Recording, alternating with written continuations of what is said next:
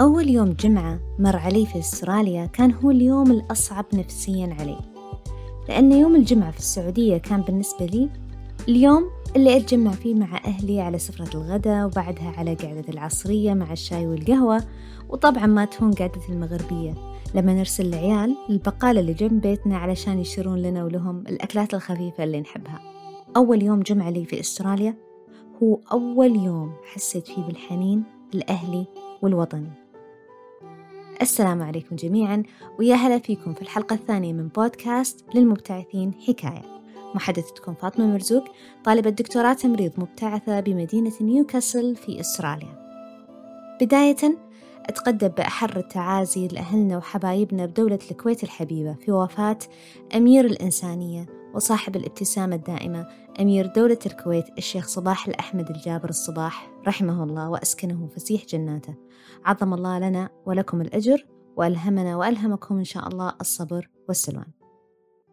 أشكركم من القلب على تفاعلكم وعلى ردودكم على حلقتنا الأولى من هذا البودكاست. والحين البسوا السماعات وارفعوا الصوت وعيشوا معانا الرحلة. وصلت أستراليا بالسلامة وحبيت صراحة البلد واندمجت فيها على الرغم من جوها الحار أحيانا.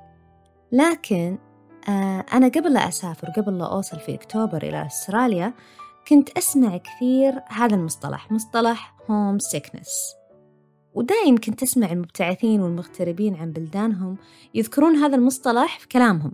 يعني مثلا يقولون أنا أحس نفسي صرت homesick أو جاني homesickness وهكذا.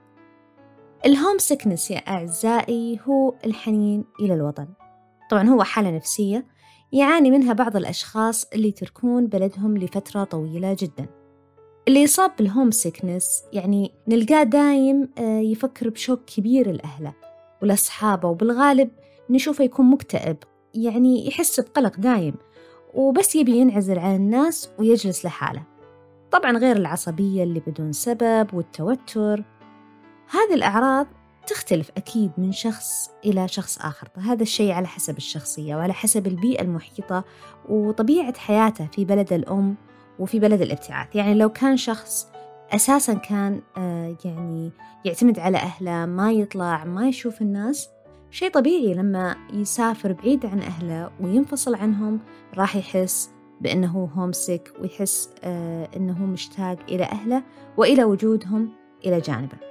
طبعا في مبتعثين كثار يمرون بهذه الحالة وفي أوقات مختلفة من البعثة. يعني ممكن تكون في بداية البعثة أو بعد مرور سنة أو سنتين. البعض منهم يتأثر فيها بشكل سلبي من الناحية الاجتماعية والنفسية وكذلك الناحية الدراسية. بس البعض الآخر تكون عنده قدرة على التكيف وعلى التجاوز مع الوقت وهذا الشيء مثل ما قلت لكم معتمد بشكل كلي على شخصية الطالب المبتعث. عن نفسي بديت أعاني من ال homesickness تقريبا بعد الأسبوع الثالث من الابتعاث. أتذكر كنت أكلم أهلي وهم متجمعين يوم الجمعة وكان وكنت أكلمهم ب video call. بعدها يعني بهذا الوقت خلوني أقول لكم إن بديت أستوعب شوي إن إيش صاير ترى هم متجمعين كلهم مع بعض. أنا لحالي أبعد عنهم آلاف الأميال. أوكي بدت شوي الفكرة تزعجني ها؟ شوي إلا خلاص الدموع قامت تشتغل وحسيتني خلاص أنا أبي أهلي. يعني I really don't care يعني أبغى أهلي وخلاص أبغى أرجع وأبغى أرجع السعودية وانتهى الموضوع. هذا الإحساس اللي كان يعني أحسه كان متملكني هذا الإحساس. لكن الحمد لله أن هذا الموضوع ما أثر علي دراسيا.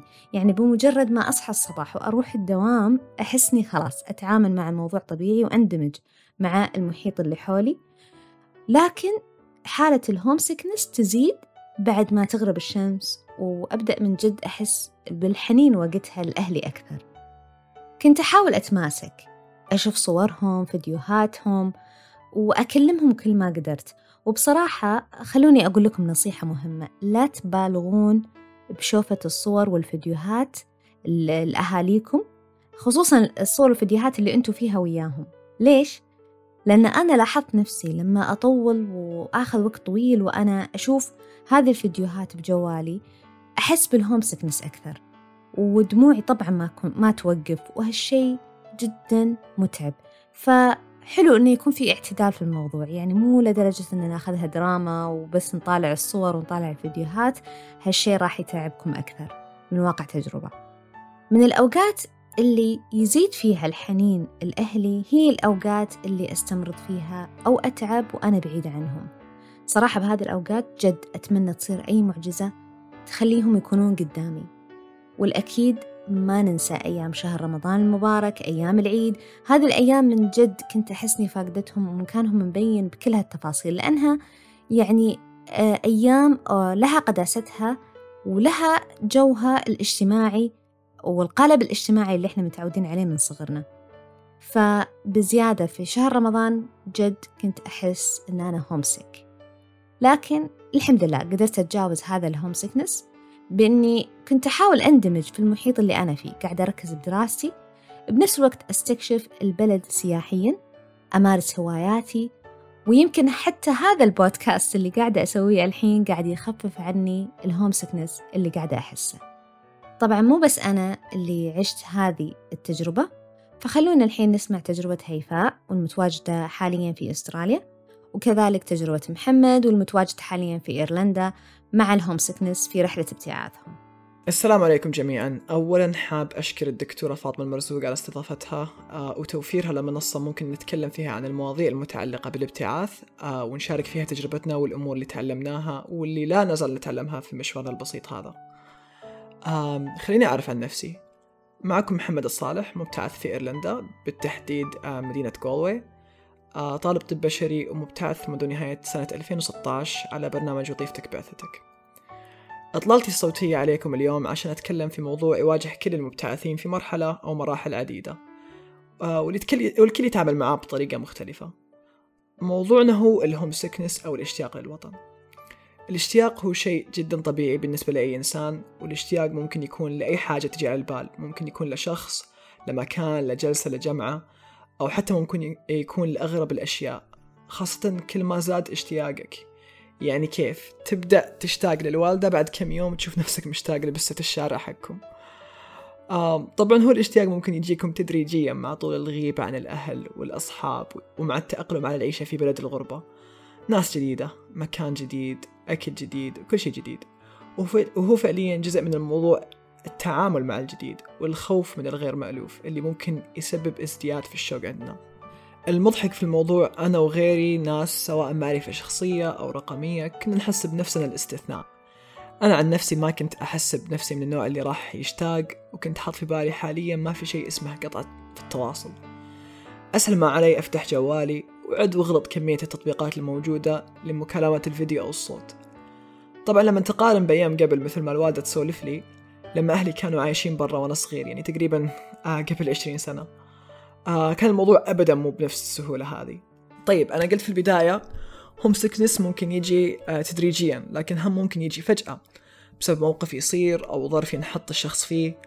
وأنا أشوف هذه الطريقة هي اللي أغلب معارفي جاهم الهوم سكنس خاصة الناس اللي من نوعي واللي كانت تحسب ما راح تشتاق. آه لكن أقولها زي ما قالوها لي ناس من قبل راح يجيك يوم وتشتاق سواء كان بعد آه ستة شهور آه سنة أو سنتين. آه المواقف اللي تحسسك أنك وحيد مثلا مرض أو تعب آه أو المواقف اللي ممكن تحسسك أنك غريب في هذا البلد. آه مثل عنصرية أو تمييز أو صعوبة تواصل أو صعوبة فهم. آه هذه المواقف هي اللي فعلا تخلي الإنسان يحس بالحنين للبيئة السابقة. نتكلم عن كيف نتعامل مع ال homesickness وكيف ما نخلي الموضوع يسيطر على حياتنا ويحد من إبداعاتنا و our potential. حلوين. okay أول شيء لازم نعرف في أشياء نقدر نتحكم فيها وأشياء ما نقدر نتحكم فيها. وأشياء خلينا نقول آه حتمية فلازم نتعلم نتقبلها. خلينا نبدأ بالأشياء اللي ما نقدر نتحكم فيها. أول شيء يجي في بالي هو بيئة الابتعاث. أشياء مثل البلد أو المدينة أو الولاية اللي ممكن تكون فيها وكيف تقبلها للأجانب للعرب للمسلمين. آه بالنسبة لي أنا إيرلندا من الدول اللي يقل وجود العنصرية فيها ولو ما زالت موجودة حالها حال أي مكان في العالم يعني. آه لكنها منبوذة من المجتمع كأغلبية. آه من الأشياء الثانية توفر الأكل اللي متعودين عليه. آه من مطاعم أو من مكونات للطبخ. ممكن نستهتر بقوة الأكل وتأثيره على حالتنا النفسية خاصة لما نتكلم عن شوقنا بس من الأشياء اللي شفت تأثيرها على الناس بشكل جدا إيجابي هو الأكل. يعني صحن كبسة أو مكبوس أو سريق والأمور كلها تمام فجأة. توب التوب. هذه الأشياء وغيرها من الأشياء آه، مو بالضرورة نقدر نتحكم فيها بس إحنا وشطارتنا في البحث وقت التقديم يعني. فشوفوا أهمية هذه الأشياء عندكم وإذا تعتبروها من الأولويات فدخلوها في حسبتكم عملية صنع القرار. طيب إيش الأشياء اللي نقدر نتحكم فيها؟ هوم سيكنس حاجة مرة نفسية. في عوامل تؤدي لزيادتها وهدفنا يكون نتخلص من هذه الأشياء. فمثلا أو أكبر مثال يعني لما نتكلم في الموضوع وقت الفراغ. هي نعمة ونقمة في نفس الوقت. آه مين منا ما يحب يكون عنده وقت فراغ بس حق نفسه يسوي فيه اللي يبغاه لكن بالمقابل وقت الفراغ يزيد من التفكير الزائد اللي يكون بلا أي فائدة أو أي نتيجة. وقت الفراغ ممكن يزيد إحساس الوحدة إذا إحنا جالسين في بس في السكن أو الشقة ومو قاعدين نسوي شيء فلازم نحاول نملي وقتنا قد ما نقدر. بس بدون ما نذبح حالنا. من الأشياء اللي جدا جميلة وموجودة في أغلب الجامعات إذا مو كلها يعني هي ال clubs وال societies. وتقدروا تسجلوا في قد ما تبغوا وطبعا موجودة كل الاهتمامات للأندية سواء كانت قراءة كتابة تمثيل موسيقى شطرنج video games أعمال إنسانية وتطوع. وغيرها من يعني الكثير الكثير من الأشياء اللي تخطر وما تخطر على البال. ففي في جامعتي مثلا في أشياء مثل كرة آه، سلة، آه، قدم، كرة طائرة، سباحة، مبارزة، رماية، ركوب خيل. يعني لا ينقص من الخيارات وما يحتاج آه، أذكر قد إيش الدخول في هذه الأندية. يعطيكم فرصة كبيرة لتكوين صداقات وعلاقات اجتماعية مع ناس حتى مو لازم يكونوا يسوون نفس الكورس اللي أنتم قاعد تسووه. حلوين كذا. من الأشياء الثانية اللي نقدر نسويها هي نهتم في, في نفسنا أكثر. يعني نهتم في نومنا أكلنا صحتنا ولياقتنا البدنية لأن كل هذه الأشياء تنعكس مباشرة على صحتنا النفسية. آه لازم نتواصل مع الأهل الأصحاب لكن مو بشكل مفرط عشان ما يكون تأثير التواصل سلبي بدل ما يكون إيجابي. طيب آخر شيء راح أتكلم آه عنه هو الأشياء الحتمية. اللي لازم آه وأحط تحتها ألف خط لازم نتقبلها. آه راح تفوتنا أشياء كثير. راح تفوتنا أفراح أحزان مناسبات آه راح تفوتنا حتما ولازم نتقبل هذا الشيء ونح... ونحاول نكون متصالحين مع الواقع. نقدر نفرح ونقدر نحزن مع أهلنا عن بعد آه ما راح يكون نفس الشيء لكن هذا خيارنا الوحيد. في النهاية ولو إني طولت عليكم الابتعاث تجربة جدا جميلة وفعليا راح تشكل شخصيتك وتغيرها. راح تتعلم كثير عن نفسك وعن المجتمع البشري من مختلف الثقافات والخلفيات. راح تجبر على النضج فكريا ونفسيا في فترة وجيزة والشوق راح يكون أنيس للطريق. وأبدا ما هو عيب أو ضعف إحساسنا بالشوق بل جدا طبيعي لكوننا مجرد بشر. شاكر لكم تحملكم لحضوري وإذا أي أحد عنده أي سؤال عن إيرلندا أو الطب أو الابتعاث بشكل عام آه يقدر يرسل لي رسالة على السوشيالز المذكورين آه وإن شاء الله أقدر أساعد. يلا عاد نترككم مع السلامة. السلام عليكم. بداية حابة أشكر فاطمة المرزوق على استضافتها لي في بودكاست للمبتعثين حكاية. عشان أشارككم واحدة من تجارب الابتعاث اللي مريت فيها. أول شي حابة أعرفكم عن نفسي. أنا هيفا المبروك مبتعثة لدراسة الدكتوراه في جامعة نيوكاسل في أستراليا.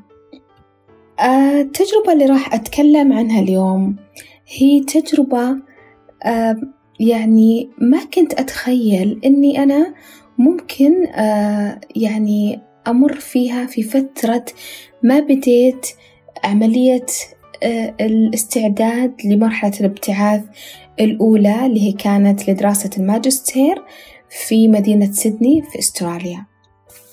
بدت الرحلة في 2010 بدأ أول فصل في هذه الرحلة. طبعا هالفصل مليء بالتحديات.